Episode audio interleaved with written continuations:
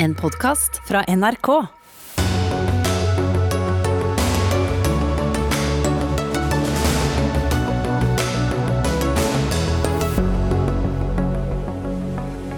Strømprisen er høyere enn noen gang, noe alle vil merke etter hvert som nettene blir lange og kulda setter inn. Hva gjør politikerne? Kan sponsorer tvinge gjennom egen vilje overfor Skiforbundet i den betente striden rundt hoppsjef Claes Brede Bråten? Det må finnes grenser, også for de som støtter idretten økonomisk, sier VGs sportskommentator. Instagram åpner opp for at brukerne selv kan bestemme hvilken kjønnskategori han, hen, hun, de eller dem tilhører. Men norske lover åpner ikke for flere kjønn, og slik forblir det dersom KrF får bestemme. Og med det så ønsker vi velkommen til Dagsnytt 18 denne torsdagen. Jeg heter Espen Aas, der vi også skal innom bruken av elektrosjokkvåpen og stiller spørsmålet hvorfor må det være så dyrt for barn å drive med organisert idrett. Men vi starter med en veldig stor utgift for mange familier, og verre skal det bli, nemlig strømregningen. Den er nå på et rekordhøyt nivå. Og ekspertene tror ikke prisene skal falle med det første.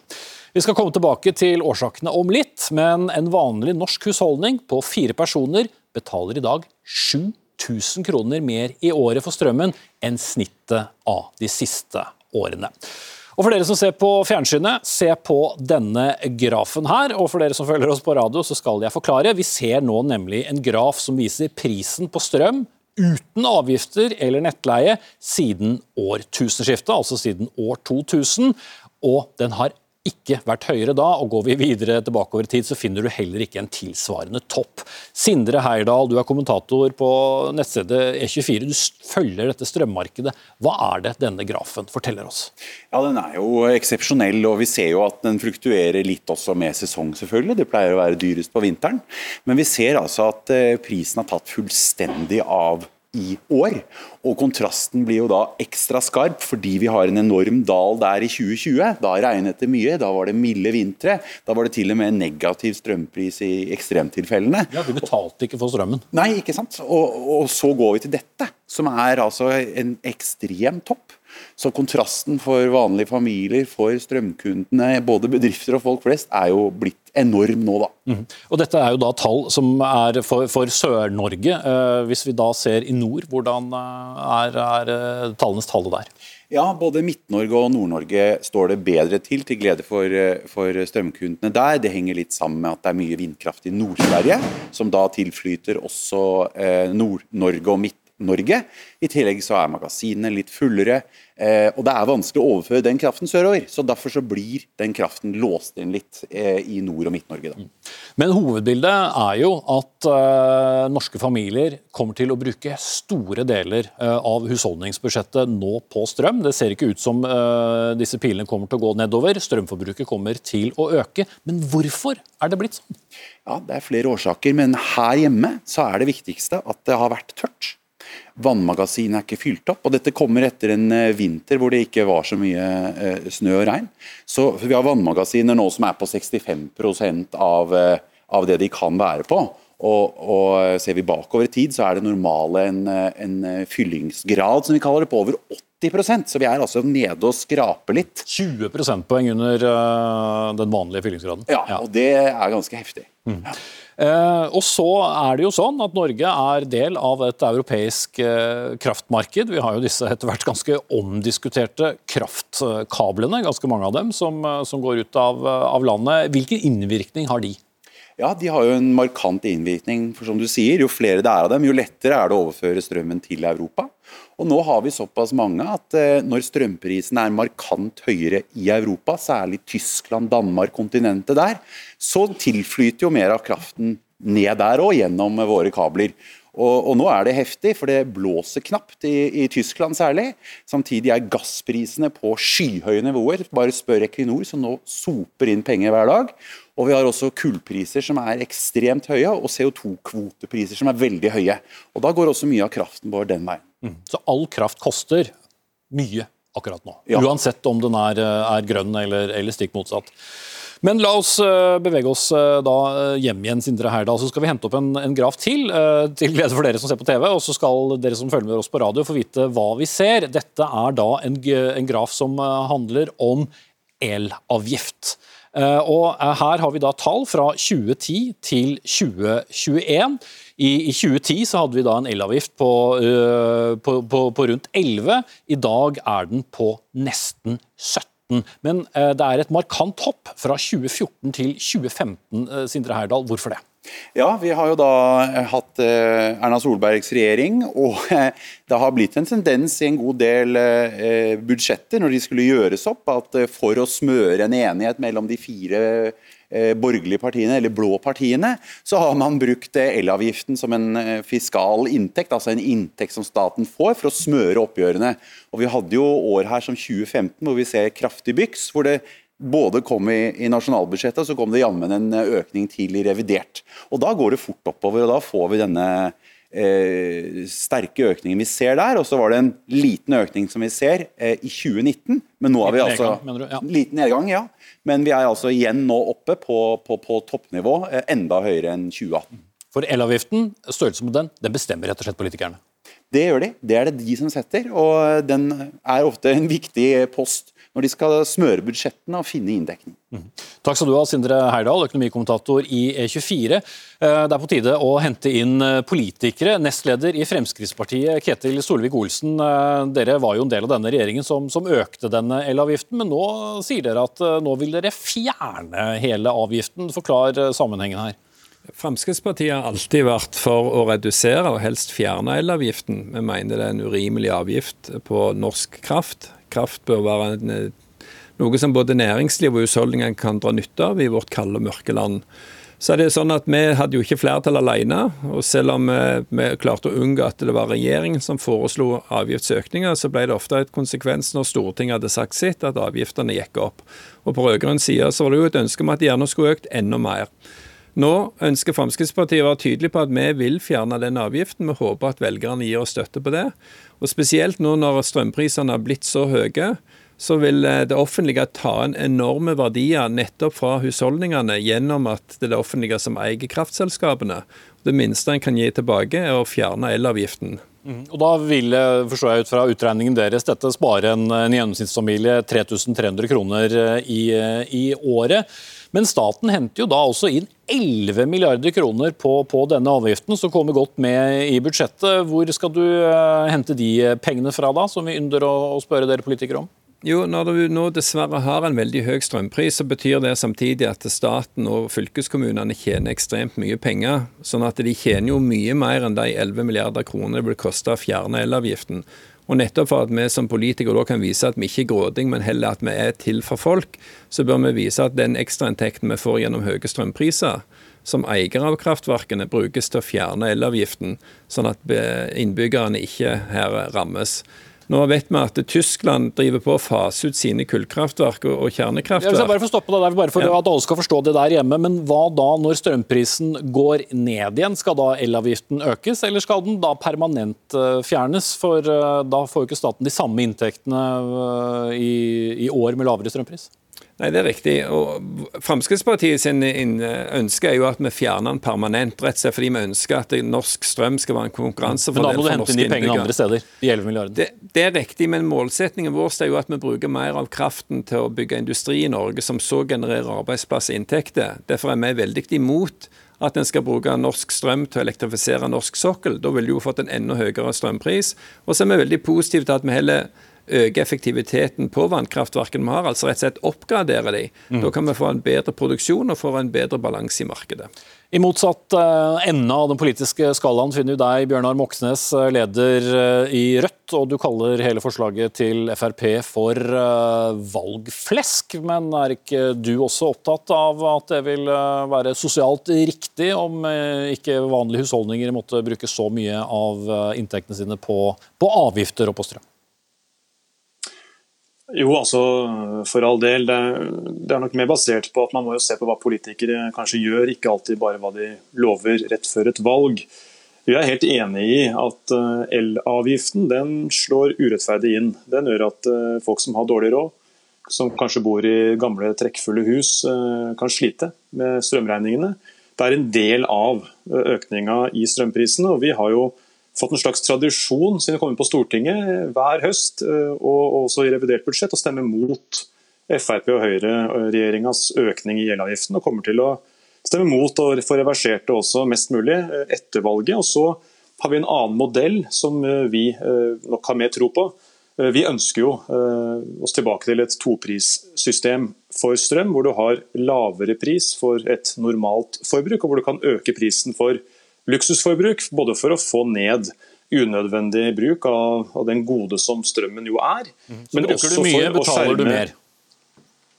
Ja, og også for å skjerme de som, de som uh, har minst. Og så er det et viktig poeng her at jeg egentlig er glad for, og det kan jeg jo si, at uh, Solvik-Olsen Frp nå protesterer mot konsekvensene av politikken de har støtta. For de har gått inn for og gitt konsesjon til to nye utenlandskabler, nå er den ene satt i drift, som er med å drive opp strømprisene i Norge. Dette betyr at okay, vi kommer til å få enda høyere litt, eh, strømpris i framtida. Vi, vi, vi, tar utenlandskablene om litt, men bare, det, er, det, er, litt lettere ja, for folk som følger om vi tar én ja, jeg skjønner det, men at vi tar én sak uh, av gangen. Uh, og Hvis vi da tar denne differensieringen uh, Solvik-Olsen først, som, som Moxnes kom med, er ikke det like greit da, at storforbrukerne betaler mer enn de små? Det som var Konsekvensen når han hadde det systemet sist, var at strømprisene var enda høyere. fordi at Når politikerne får lov til å bestemme priser, så pleier de som regel å bli høye og ikke lave. Det ser en jo f.eks. på elavgiften. Selv om Bjørnar Moxnes nå prøver å spille et billig poeng, så burde han vite at Fremskrittspartiet alltid forsøkt å redusere elavgiften. Det er de andre partiene, spesielt de som han ønsker å samarbeide med, som har forsøkt å øke elavgiften. Og det er ingen grunn til å tro at politikere som har ønsket å ha høy elavgift, plutselig vil ha lav strømpris. Derfor vil jeg advare mot det, selv om hensikten nok er god. Og så er det riktig at ja, det er blitt bygd noen strømkabler utenlands, men de ble vedtatt under rød-grønn regjering som en del av deres strategi om å gjøre Norge til Europas batteri. Og det er jo den diskusjonen er òg viktig. Norge bør sørge for at kraften går til fordel norsk industri, norsk næringsliv, norske forbrukere.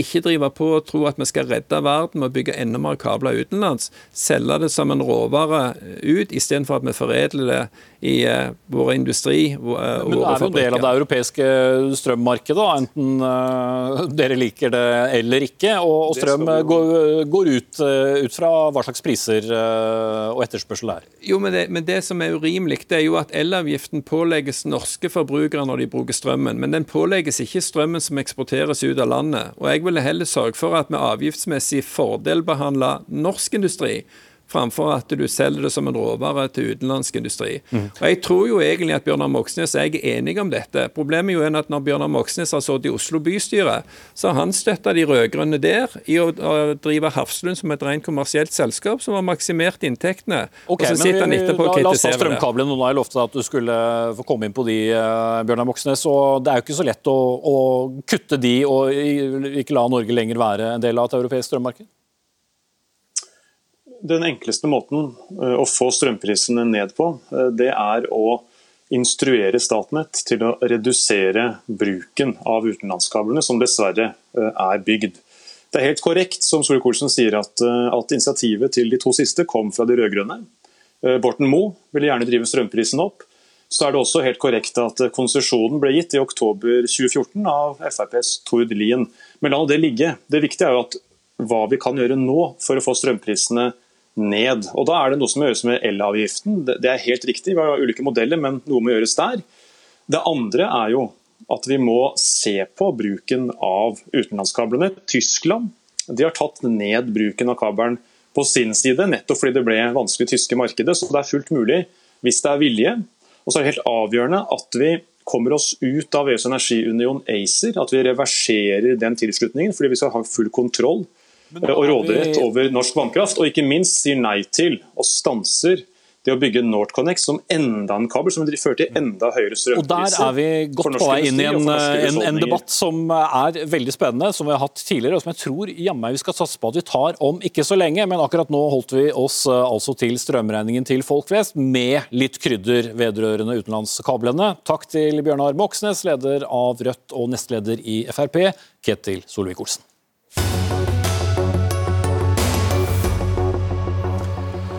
Så skal vi til eh, en meget betent eh, strid i eh, norsk idrett. Det handler selvsagt om striden mellom Skiforbundet og håndteringen av hoppsjef Claes Brede Bråten. For flere sponsorer truer med å trekke sine bidrag dersom ikke de får gjennom sin vilje om å la Bråten fortsette i jobben. De sier de er bekymret for laget, for hoppsporten, ja og eget omdømme, med bakgrunn i hvordan de mener forbundet har håndtert denne saken. Bråten fikk jo som kjent ikke fornyet sin kontrakt som hoppsjef, noe som har skapt sterke reaksjoner hos store deler i Hopp-Norge, og altså seks sponsorer.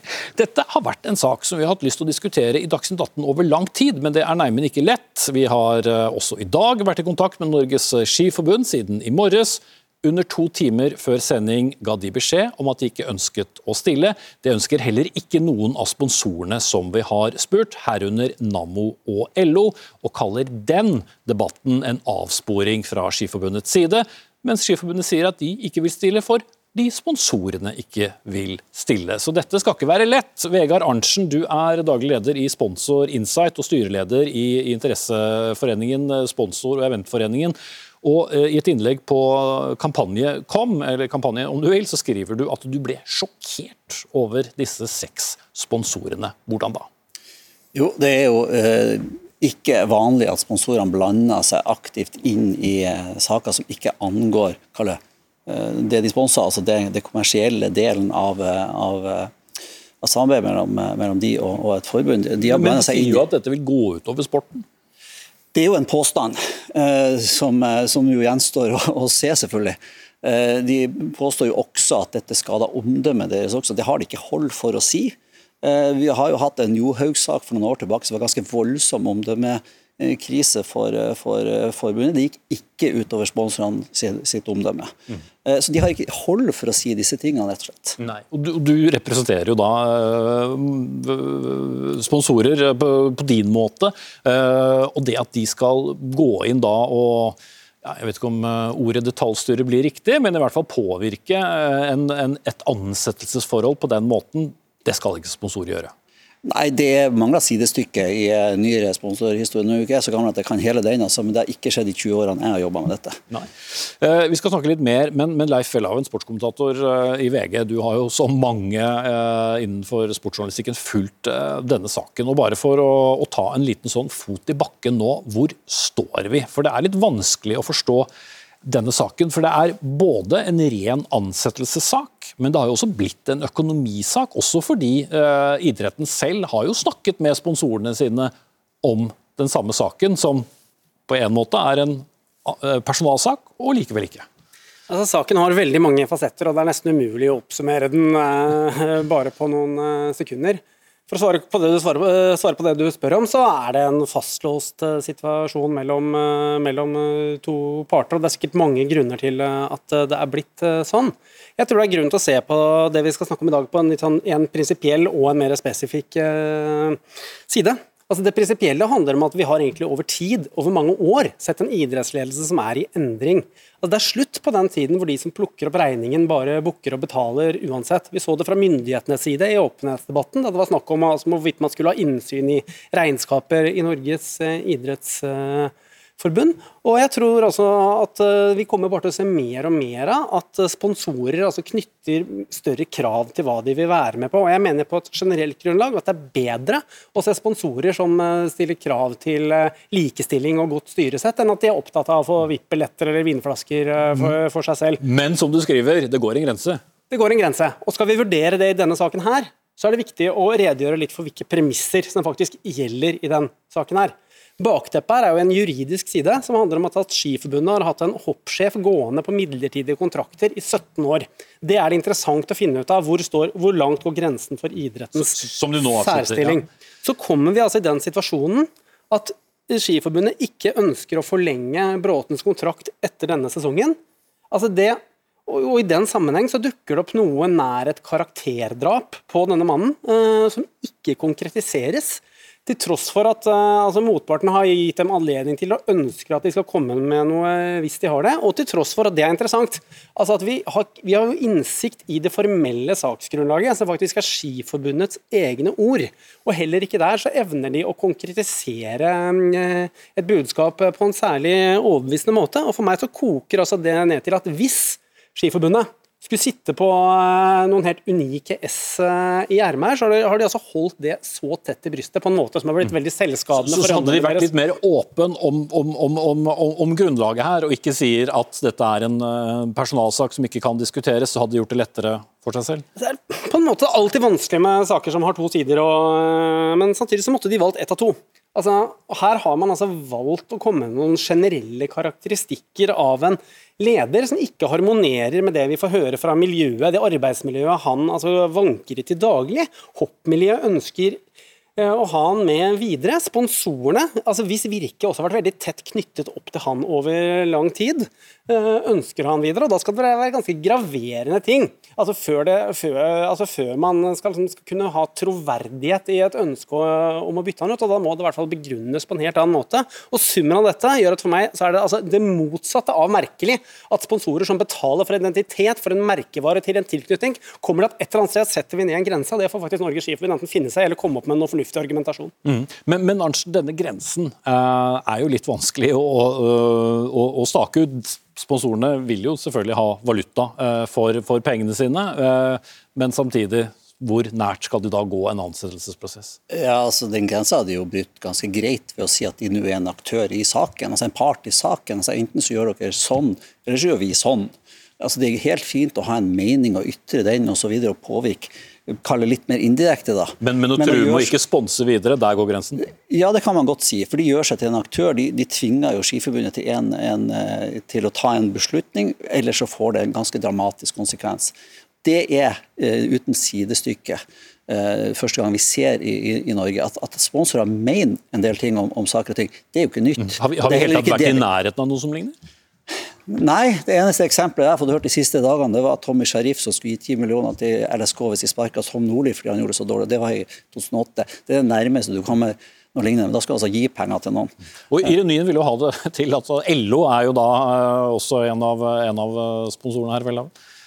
Ja, LO er en av sponsorene her, og har, har jo da selvfølgelig en del verdier som er viktige for dem. Men når dette handler om, altså, om arbeidsrett og midlertidig versus faste kontrakter, så er det interessant. Men jeg, synes jeg har også lyst til å spørre Arnsen, Vi snakker om her altså roller og ryddighet. Jeg syns det er veldig fint at du tar denne debatten. Men da syns jeg måte, det er greit å opplyse om at så vidt meg bekjent, så er jo du en forretningsforbindelse med Skiforbundet og gjør omdømmemålinger for Skiforbundet og har gjort det, så vidt jeg vet, eh, over tid. Jeg skal ikke legge for mye i det, men det er jo, jeg synes det er greit med at du ikke gjør det gratis. Det er iallfall grunn til å spørre hvor uhildet du mener å kunne vurdere håndtere denne situasjonen, da, gitt det samarbeidet du har? Ja, Det er fint at du spør om det. Jeg har avtaler med de enkelte grenene, ikke med Skiforbundet sentralt. Så jeg har aldri hatt et møte med Ingvild Bretten Brettenberg og noen andre om disse tingene her. Så, så det, er ikke, det, er ikke, en aktør jeg samarbeider med. Jeg har ikke snakket med Skiforbundet om denne saken i det hele tatt.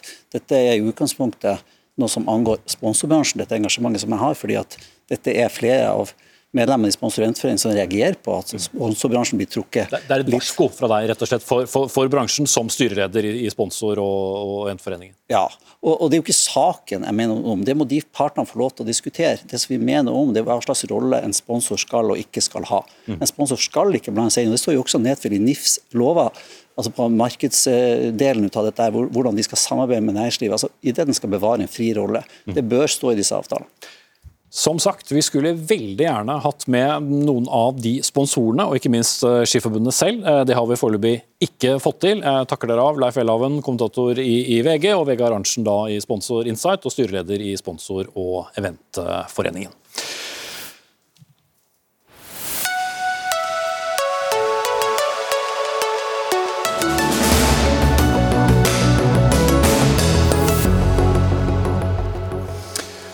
Nå kan du velge ett av fem kjønnspronomen på enkelte sosiale medieplattformer, men ikke her hjemme. Det skal vi snakke mer om mot slutten av sendingen. Men vi gir oss ikke helt med idrett, for idrett er ingen lek. Ei heller når det skal betales for av foreldre. For det holder gjerne ikke bare med et par eh, gode joggesko eh, kjøpt på tilbud, ei heller treningstøy. Det må også betales for medlemskap, det skal betales for lisenser. Og den prislappen, ja, den vet vi kan ende på mange tusen kroner. Og Omar Sami Gamal, byråd for kultur og, og, idrett eh, og frivillighet eh, i Oslo. Nå handler ikke dette bare om Oslo, det handler om hele landet, men du har engasjert deg spesielt uh, i dette. Og du har uh, konkludert med at her er det faktisk ikke foreldrene som bør betale disse høye beløpene, men idretten selv. Hvordan, uh, hvordan skal det henge sammen? Altså, vi eh, er Jeg tror alle i idretten er eh, enig i at prisene, den pengegaloppen som vi har sett eh, de siste årene, eller den utviklinga vi har sett, det er et problem. Og vi har, jeg ser i Oslo i hvert fall, Eh, der har vi klubber som gjør alt de kan for å inkludere. Vi har nabolagsklubber.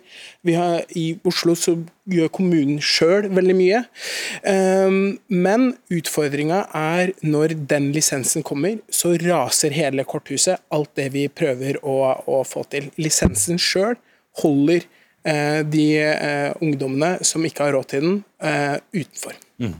Og denne lisensen da, den, den, den, er da litt forskjellig ut fra, fra hvilken eh, sportsgren som, eh, som, barna er i, og det handler igjen om, om hvilket uh, forbund som de da uh, hører til. Stemmer. Ja. Og, og, Erik Kunås, styremedlem i Norges idrettsforbund. Uh, vi har jo da 100 000 barn her i landet som lever i familier med varig inntekt, det som noen kaller for fattig, men som heter noe annet på, på, på statistikken. Har da alle samme mulighet til å delta i idrett? De aller fleste har det, eh, og det er i hvert fall et mål.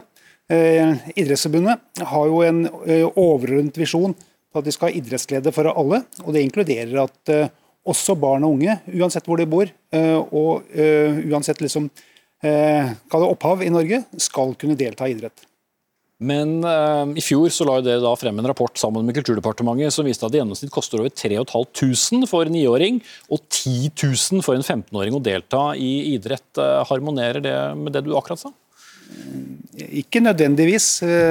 Det vil koste noe. Når vi sier at hvem er idretten selv, altså foreldrene, ikke skal være med å finansiere det Eh, ikke barna. Eh, hvem skal gjøre det da? Dette er et stort spleiselag. Eh, vi må ha med mange aktører, vi får mange, mange former. Men, her, Men mange føler at de, de sponser jo fra, fra bunnen og oppover?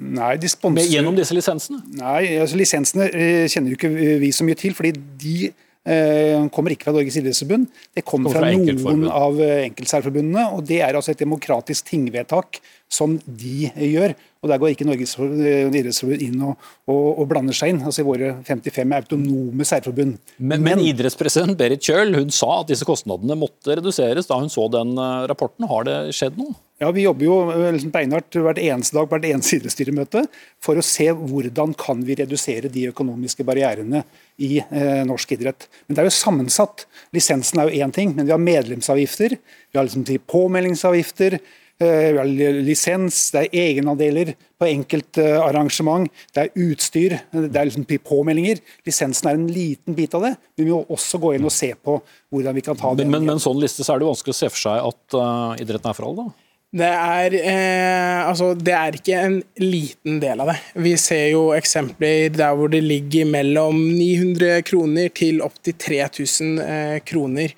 Eh, og vi har jo jobba systematisk i Oslo for at alle skal eh, få delta. Det er klubber som inkluderer folk som ungdom gratis.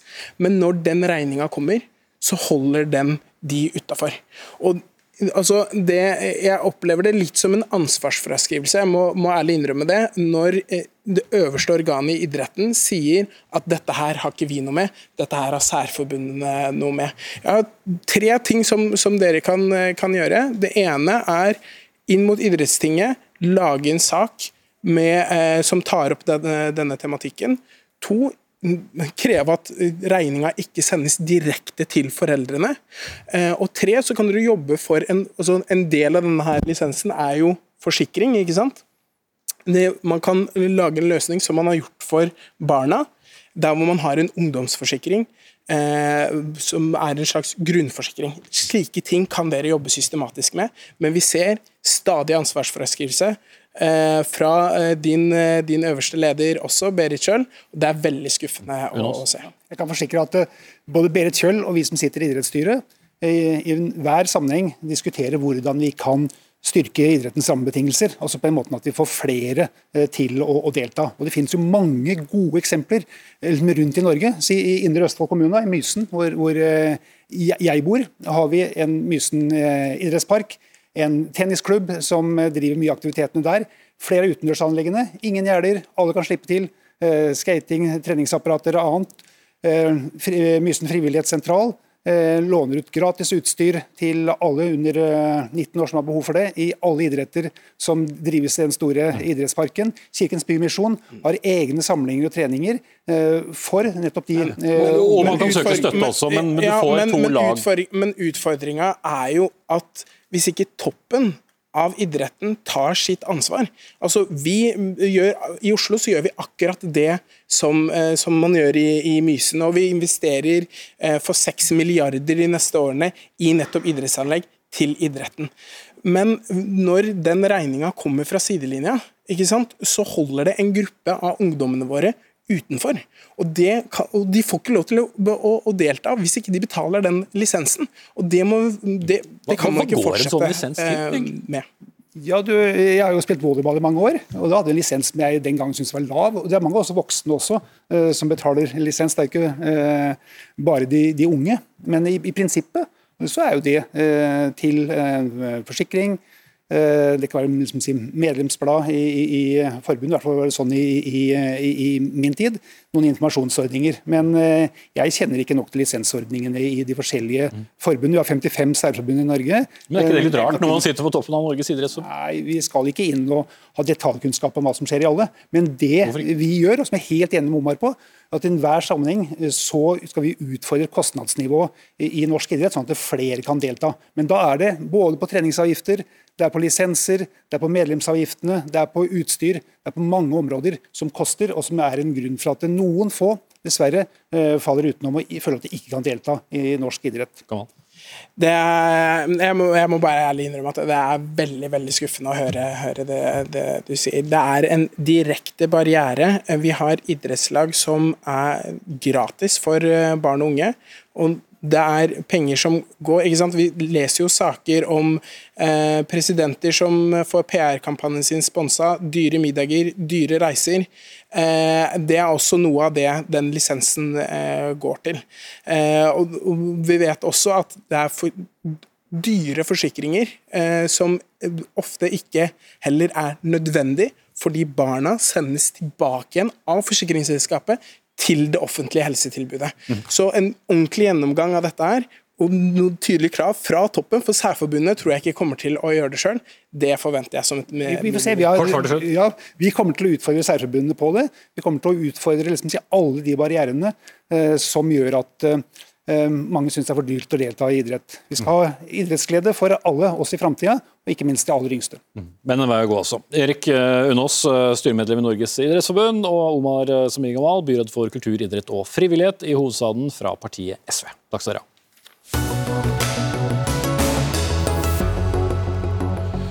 I dag ble det kjent at regjeringen har bestemt at politiets innsatspersonell som heter, skal utstyres med elektrosjokk våpen.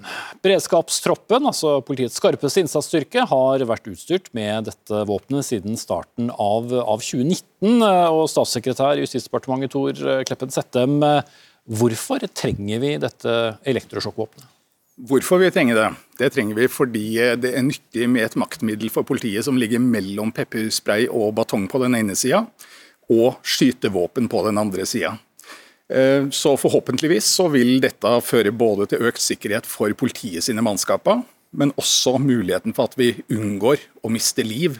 Altså at mennesker som blir skutt, ender opp med å dø av det. Mhm. Man kan dø av elektrosjokkvåpen òg? Det kan man, men heldigvis så viser jo all erfaring, og ikke minst de to og et halvt årene med erfaring fra fire politidistrikt, ikke bare beredskapstroppen i Oslo, men fra fire politidistrikt, de viser jo at dette har fungert. Og de skadene som har vært i noen ytterst få tilfeller, det er minimale skader. Mm. Bare for å forstå litt sånn eh, gangen her. Nå har jo det, da dette vært uh, brukt over, en, uh, over, flere år. Dere har da samlet inn erfaringer. Og så kan dere da konkludere og innføre det sånn uten videre? Ikke uten videre. Men det har altså vært en eh, erfaring i fire politidistrikt gjennom eh, to og et halvt år. Evaluering som er gjort av eh, følgeforskning, som følger hvordan dette har blitt håndtert og fungert. Og Med bakgrunn i det så ser det jo ut som at vi heller ikke møter så veldig mye motstand når vi nå sier at elektrosjokkvåpen er et veldig godt redskap både for politiet og for publikum, i betydning at den som f.eks. i rus eller psykiatri skulle møte politiet og være en trussel mot politiet, så er det jo uendelig mye bedre å bli skutt med et elektrosjokkvåpen enn et skytevåpen som antagelig har en langt større dødelig effekt. Men eh, er jo da et, uh, et, et skarpere våpen enn f.eks. batong eller pepperspray. Og Derfor så er det en maktstruktur som sier at batong og pepperspray brukes før elektrosjokkvåpen. Men uh, hvis alternativet er skytevåpen, så er det ingen tvil i mine øyne om at et uh, elektrosjokkvåpen er langt bedre. Mm. Også av hensyn til politiet sine mannskaper. Men uh, kan man bruke det ut fra, fra situasjonen? Skal man gå, på, gå, med det på hofta? Hvordan skal dette fungere i praksis? Slik det vel har blitt gjort i praksis i de to og et halvt årene som har, vi har lagt bak oss, Eh, så er det sånn at det er tilgjengelig i patruljen. Det er ikke hver I bilen. enkelt i bilen, ja. Eh, det er sånn jeg oppfatter det. Det får eventuelt bli korrigert, men jeg ser det nikkes, og det tar jeg som et godt tegn på at jeg husker riktig. Eh, og Det betyr at det er tilgjengelig for mannskapene som er ute i en patrulje, og som da kan ty til dette når de vet at de går inn i en vanskelig situasjon. Og Vi har jo en del eksempler.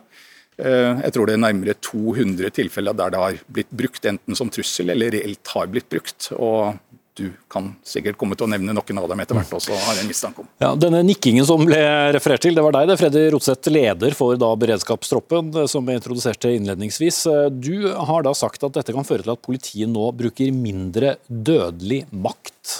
Hva betyr det? Ja, og det er jo litt i forlengelsen av det statssekretæren påpeker, at politiet fra tid til annen kommer i situasjoner hvor man må bruke, bruke det øverste middelet i den definerte maktpyramiden, altså skytevåpen, for å løse det. Og Det er jo spesielt det sjiktet der elektrosjokkvåpen vil en, ha en effekt. Og da Spesielt knytta til situasjoner hvor det vi definerer hvor en person vi skal håndtere, har det vi kaller for kontaktvåpen. Det kan være kniv, øks, sag og sånne ting. Mm. Hvor situasjonen tilsier at man må umiddelbart handle. Mm. For hvis det er en eh, La, la, la oss si da en, en, en, narkoman eh, eller en ruset person som er, eh, er, er, truende, da skal man ikke umiddelbart ty til elektrosjokkvåpen? Det kommer helt an på situasjonen. Det er jo først og fremst det er fare for tredjeperson, det er fare for personen selv og fare for politiet. Det er jo de vurderingene tjenestemenn og -kvinner står overfor. og Jeg er ganske trygg på at det eh, maktmiddelet politikerne nå har beslutta innført etter en klar anbefaling fra Politidirektoratet, er med på å gi tjenestemenn og -kvinner et større handlingsalternativ, hvor målet er mindre bruk av makt. Og når jeg sier det, men, så... men ja, det skjønner jeg ikke helt. Hvordan du kan bruke mindre bruk av makt når du da får økt tilgjengelighet på maktmidler? Ja, og Det er et godt spørsmål. La, la meg ta et eksempel. Den mest vellykka politiaksjonen som vi gjennomfører, det er når vi bruker minst mulig bruk av makt. Det er alltid målsettinga. Og det tror jeg ikke bare gjelder spesifikt for beredskapstroppen, men hele Politi-Norge. Og derfor, Når man i den maktpyramiden som allerede er etablert, så har det vært et gap mellom det som pepperspray, teleskopbatong og regulær ammunisjon. Her får vi et våpen som har mindre, et mindre skadepotensial enn regulær ammunisjon. Mm. Som igjen også er mer omstridt, eh, også politisk, hvis man skulle ha full bevæpning eh, hele tiden. Skytevåpen er definitivt mer omstridt, og da er det en annen politisk debatt. Ja, og, det, og Vi skal for så vidt ikke ta den, men, men, mitt uh, retoriske poeng, uh, om du vil, er likevel i, det, i de periodene som vi har uh, hatt større tilgang på skarpe skytevåpen hos politiet, førte det også til økte hendelser som med, med, med, skade? Ikke sånn som jeg oppfatter vurderingene som er gjort, nei. Det har vært håndtert på en veldig ryddig måte. Også fordi jo politiets mannskaper har jo minimalt ønske om å komme i en situasjon der det må brukes skytevåpen. Eh, når det gjelder elektrosjokkvåpen, så gleder jeg meg over at uh, der sier politimannskapet at det har vært situasjoner der skytevåpen har vært alternativet. Og det er i mitt hode i hvert fall en bekreftelse på at elektrosjokkvåpen har bidratt til at vi har redusert maktbruken istedenfor å øke den. Mm. Eh, litt statistikk, da, så får dere være enig eller uenig i den. men En undersøkelse fra Miami-politiet viser at politiet brukte da disse elektrosjokkvåpnene 3000 ganger i løpet av åtte år. Minst elleve personer skal ha dødd som følge av å bli skutt da med dette elektrosjokkvåpenet. Det er da Miami New Times som melder dette, som en av våre reportere fant. Er det små tall? Nå skal jeg være forsiktig med å kommentere statistikken. Det som jeg tror er viktig å nyansere bildet, det går jo tilbake igjen til utdanninga gjennom politihøgskolesystemet i Norge, som jeg har vanskelig for å se helt sammenlignbart med det amerikanske. Og Så må man også ta statistikken norsk politi står overfor og har hatt over en lengre tidsperiode. Og Vi er heldige som bor i Norge, som er et relativt trygt land. Dessverre, fra tid til annen, så er maktbruken nødvendig for å løse det. Mm. Til slutt, sett Settem, eh, På hvilken måte skal, skal, dette evalueres noe mer, eller er det denne prøveperioden eh, som har vist at dette er eh, riktig eh, nå å innføre? All maktbruk blir jo på sett og vis evaluert løpende, eh, naturlig nok. Men det skal ganske mye til for å reversere dette? Ja, det vil jeg absolutt si. Altså, da må det komme noen helt usedvanlige dårlige erfaringer. Eh, og jeg synes Den De erfaringene vi nå har gjennom to og et halvt år, det tyder jo på at norsk politi også på dette området håndterer det langt bedre enn f.eks. eksempel kanskje en del av de eksemplene vi ser fra USA, som du da refererte til. Mm. Ok, Tor Kleppen Sette, statssekretær i Justisdepartementet fra partiet Høyre, og Freddy Rotseth, som altså var her fra beredskapstroppen, der du er leder. Takk skal dere ha.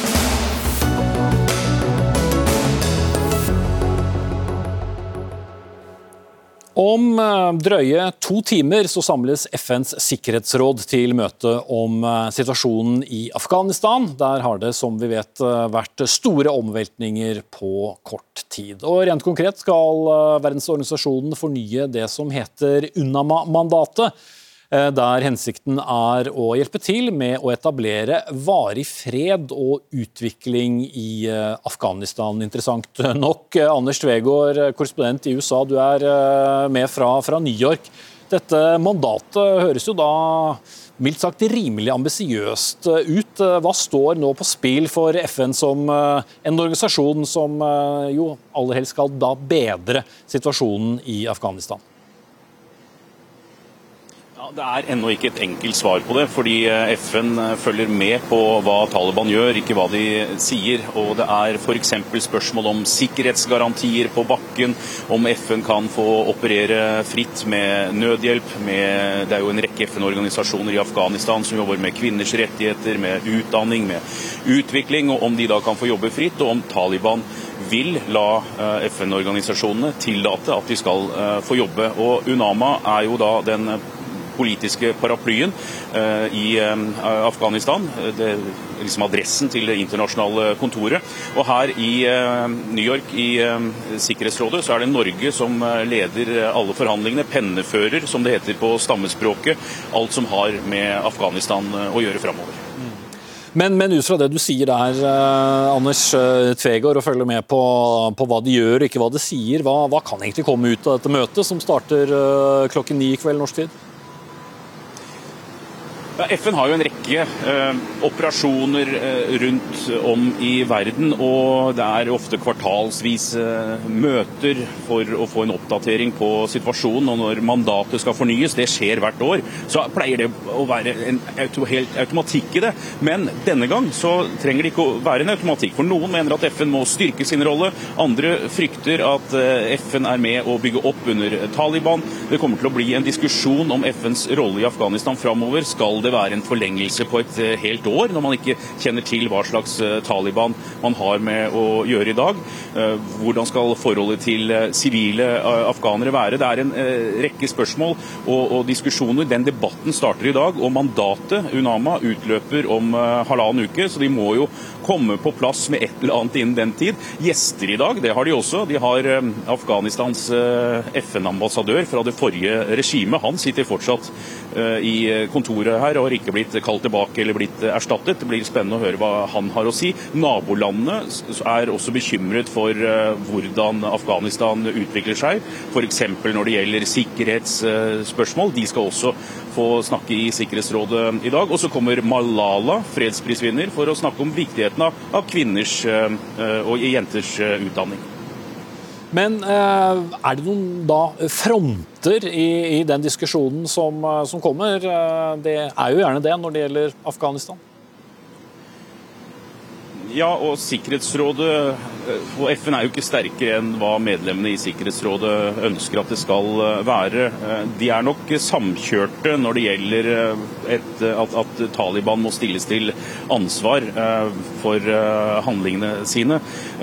Kina f.eks. er jo nå inne på bistandssiden allerede. Andre land er fortsatt i en tenkeboks hva slags forhold de ønsker å ha til de nye makthaverne, som de da ennå ikke helt vet hvem er, og, og, og hva de gjør uh, framover heller. Uh, men uh, diskusjonen rundt det, som det nok kommer til å være enige om i dette høye bygget bak her, er at FNs, FN fortsatt må være i Afghanistan på en eller annen måte, men om f.eks. det gjelder FNs kvinneorganisasjon eller, eller, utviklingsorganisasjon, de spørsmålene der er jo fortsatt uavklart. For de kan jo ikke sende inn mye internasjonalt personell heller, hvis de bare blir motarbeida i, i vertslandet. Mm. Og så er det sånn da, Anders, at Norge overtar lederskapet i Sikkerhetsrådet over nyttår. og Du har allerede nevnt den litt, men hvordan forbereder den norske delegasjonen seg på det? For eh, det er jo ikke akkurat eh, siste gang eh, Afghanistan kommer til å være på agendaen.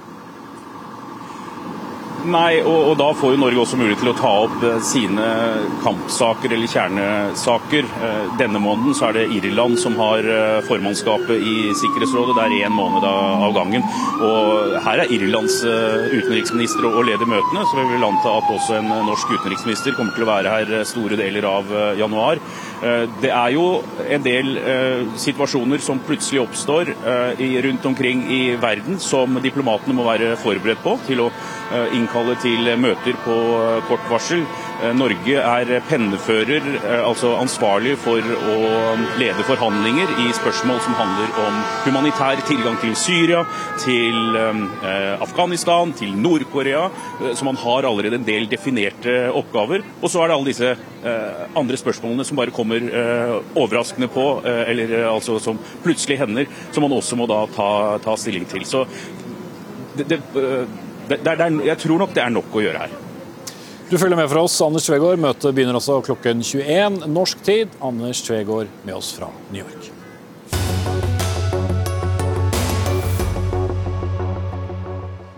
Fra denne uken kan brukere av det sosiale billedmediet Instagram markere hvilket kjønn de identifiserer seg som. Alternativene er hun, han, hen, de eller dem. Og Li Kvåle, redaktør for Oslo Pride, dette er noe du er eh, glad for skjer. Hvorfor?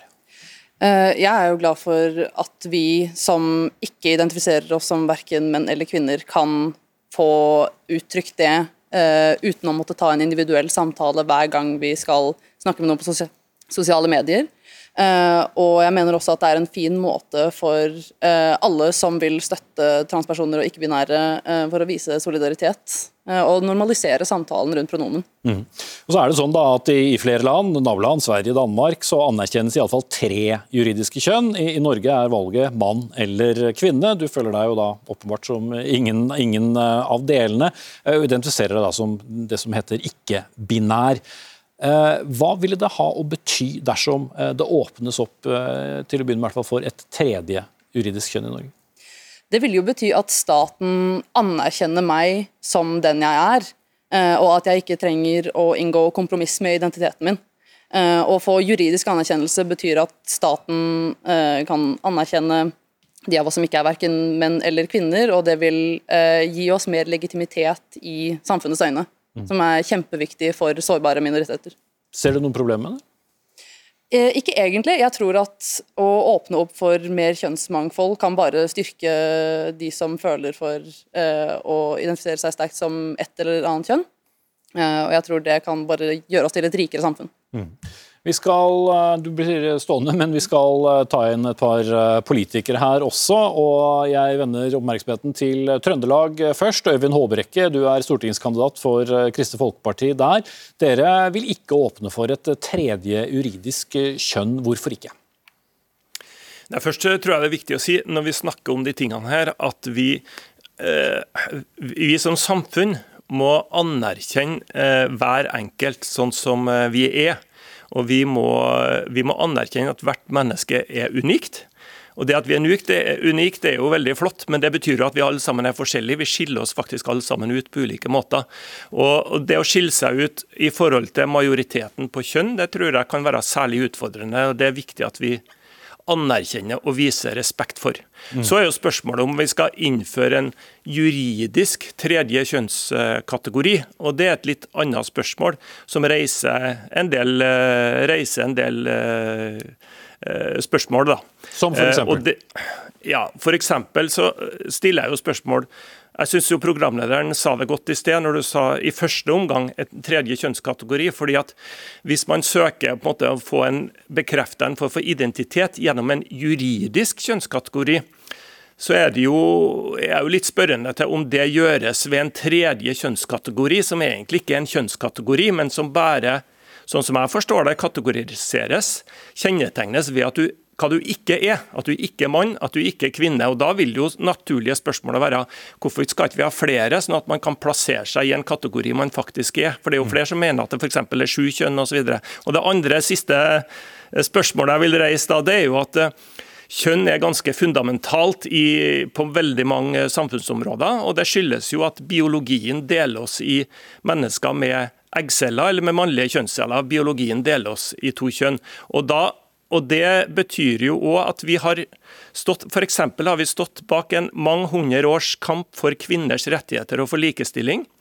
Og hvis, da, hvis, vi da etablerer en forståelse av at kjønn er egentlig en form for flytende, det er noe du velger, det er noe som er en form for sosial konstruksjon, så tror jeg at vi skaper problemer for den kampen vi fortsatt har foran oss for kvinner, enten i Afghanistan, som vi hørte om i sted, andre steder i verden, og, jo, og i men, Norge. Men, men hvis vi drar tilbake til utgangspunktet, da, så, så, så handler det jo da om uh, mennesker som, som lik Våle skal få føle en tilhørighet uh, eller ikke. Og, og, i første omgang så er det jo da et uh, tredje juridisk kjønn for de som verken føler seg som kvinne eller mann. og Det er jo det som dere først og fremst da skal ta stilling til.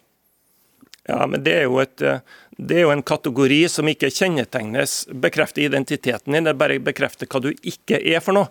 Og Derfor tror jeg at eh, det stopper ikke der. Da må vi ta en flere andre diskusjoner om hvor mange kategorier vi skal ha, tror jeg. Hvis, det, hvis poenget med en sånn juridisk kategori er at det skal bekrefte identitet, og det tror ikke jeg juridiske kategorier er egnet til. Ok, eh, det tror jeg handler om helt andre ting. Håbrekke, du skal få slippe til etterpå. Eh, Freddy André Øvstegård, stortingsrepresentant fra SV. Dere foreslo jo dette i Stortinget, men det gikk vel sånn passe? For det var jo bare Rødt og MDGs to representanter som var eh, enig med dere. Og så har vi sett nå gjennom valgkampen at uh, både Arbeiderpartiet og Høyre i hvert fall uh, sier at de vil, de vil, åpne for dere men, uh, for dette. Men er det særlig stor sannsynlighet for et gjennomslag politisk? Ja, Vi har jo sett det i en rekke likestillingskamper og inkluderingskamper. Den frihetskampen som uh, den skeive bevegelsen har slåss for gjennom tid. At det starter med noen få som fremmer forslag på Stortinget, og så går det noen år, og så står vi alle og lurer på hvorfor i alle dager uh, tok det så lang tid. Men du ser ikke for deg det i, i denne kommende stortingsperioden? Jo, jeg gjør det. Uh, jeg går til valg for å få gjennomslag for SVs politikk også. Jo, jo, men det, hvis du skal være realistisk? Ja, ja, jeg mener virkelig at tida jobber for det her. og jeg ser det at det er stadig flere partier partier eh, begynner å være eh, åpne. Og dette er jo altså, det er en veldig frustrerende sak å diskutere, egentlig, for dette er noe som eh, er veldig viktig for en ganske liten gruppe mennesker. Og det skader ingen at vi innfører på det kravet. At vi åpner for en tredje juridisk mm. alternativ. Men Er, du enig i definisjonen fra Håbrekka om at tredje, det tredje alternativet da egentlig er en definisjon på hva man ikke er? Altså, for meg så, så, er jo det viktig at man ikke plasseres inn i en feil bås. Og den uh, opplevelsen man har når man f.eks. møter det offentlige da, uh, på en måte som uh, regner med at du er inne i den båsen eller den båsen, og så er det feil for deg, ja, det kan være ganske sårt. Det kan være ganske alvorlig. Og Da mener jeg at det minste vi kan gjøre, er å lytte til den gruppa det her gjelder, å innføre et tredje alternativ, det skader ingen. Og så må Jeg jo si at jeg, eh, altså jeg reagerer veldig når KrF argumenterer med åpner man for det, hva kommer da etterpå? Eh, jeg husker også fra eh, den gang også KrF var imot likekjønna ekteskap, så var det et argument vi ofte hørte. Ja, Hvis vi åpner opp for at homofile skal få gifte seg, hva er det vi åpner for, for etterpå da? Da skal det være mulig med flerkoneri osv. osv. Det er ikke den saken vi diskuterer. Det er et helt enkelt krav. Skal vi si det at vi anerkjenner de som ikke passer inn i de to her båsene? Jeg mener det er åpenbart. Tida jobber for det. og jeg kan ikke fatte og begripe hvorfor KrF skal stille seg på feil side av historien igjen. Ok, Håbrekke, man får det til i Sverige, man får det til i Danmark, man får det til i Nepal. Hva skulle være vanskelig å få til i Norge? Nei, det, det, det er jo, eh, gjenstår jo fortsatt å svare på hva den tredje kategorien her egentlig skal være. fordi at eh, Hvis du skal bruke juridiske kategorier til å bekrefte menneskers identitet, så må du jo faktisk da lage de kategoriene som gjør at du får bekrefta den identiteten. Og en tredje kategori som bare bekrefter hva du ikke er, det er da et veldig eh, kort steg på den veien. Da må man åpenbart ta flere skritt, og da må vi diskutere konsekvensen av det. Men jeg har lyst til å si én ting. Ja, men, bare for å ja. gå tilbake til det som Li Kvåle sa innledningsvis her, da, altså, og, og, som for så vidt Øvstegård var, var innom. Skal, er det da eh, jo mer riktig å presse noen inn i en kategori som de så åpenbart ikke føler seg hjemme i?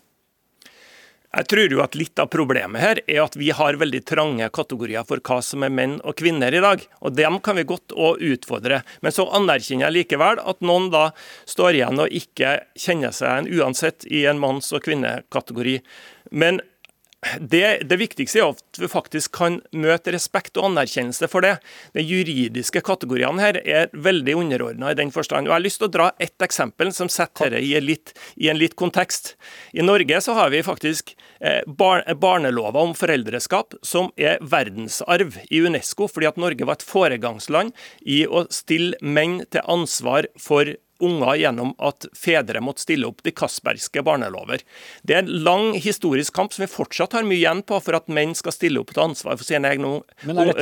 Og ta ansvar for unger. Og Det er bare et eksempel, et lite eksempel på ett samfunnsområde for hvordan vi har faktisk vært avhengig av å ha disse kjønnskategoriene. Ikke flytende kjønn, ikke noe som du bare liksom er valgfritt eller helt flytende, ja, ja, men kjønnskategorier for, for, at vi skal ha likestilling, okay. kjempe for kvinner kvinners rettigheter. Ja, Det har du nevnt, og da bryter jeg alltid av når man gjentar seg selv. Eh, ja, Øvstegård, svar kort på det til slutt. Unnskyld meg, men altså, KrF er nødt til å finne en bedre stråmann å argumentere mot uh, enn en det. Her er kvinnebevegelsen. Her er mange Øvstegård har ordet, Håbrekke. Takk. Eh, man er nødt til å finne en bedre stråmann enn det. For her er det et krav om eh, ett alternativ til. Og jeg skjønner ikke hvorfor eh, politikere i KrF skal altså måtte bruke tid på å nekte folk muligheten til å finne et alternativ som passer bedre med den identiteten de har. Ikke definere identiteten sin, men noe som passer bedre til det de opplever. Og Dette er faktisk ganske viktig, fordi altså, transpersoner i Norge i dag opplever stor grad av psykisk uhelse. Transpersoner har større risiko for selvmord. Vi har en rekke levekårsutfordringer. og da er det minste vi kan gjøre i hvert fall å anerkjenne at de eksisterer. Mm. Da setter strek der. Det høres ut som det er et eh, stykke igjen, eh, lik Volle. Jeg vil bare si at Det er jo kjempeviktig, det du tar opp om transpersoners helse.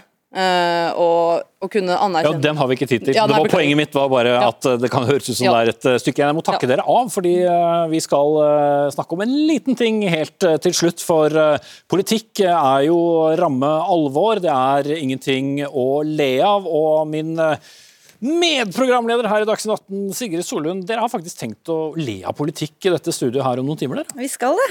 Vanligvis er jo politikk, hvis det er morsomt, så er det kanskje ufrivillig, men vi skal prøve å gjøre det gøy helt med vilje. Det blir veldig spennende. Hva skjer? Jo, Vi har ni komikere som har fått utdelt hvert sitt politiske parti. Og så har de hatt noen uker på seg nå til å lære seg politikken og debatteknikken. Og så skal vi ha da en direktesendt eh, debatt her i kveld med disse ni komikerne som skal diskutere aktuelle spørsmål som også vi har diskutert ellers i valgkampen. Har de lært seg alle de viktige tingene som eh, å si 'først vil jeg bare si', eller 'her er det viktig å ha to tanker i hodet med en gang', eller kanskje si åtte år? først vil jeg bare si Espen, at det var et veldig godt spørsmål. Og det tror jeg faktisk at de skal klare, fordi de har fått hver sin mentor i sitt eh, politiske parti, som også har lært dem opp i debatteknikk. Og de kommer også til å være her i kveld. 22.10 blir det latterlig politikk med Sigrid Solund fra dette studio. Ansvarlig for denne sendingen, Sara Victoria Rygg. Jeg heter eh, Espen Aas. Vi er tilbake igjen i morgen. Takk for i dag.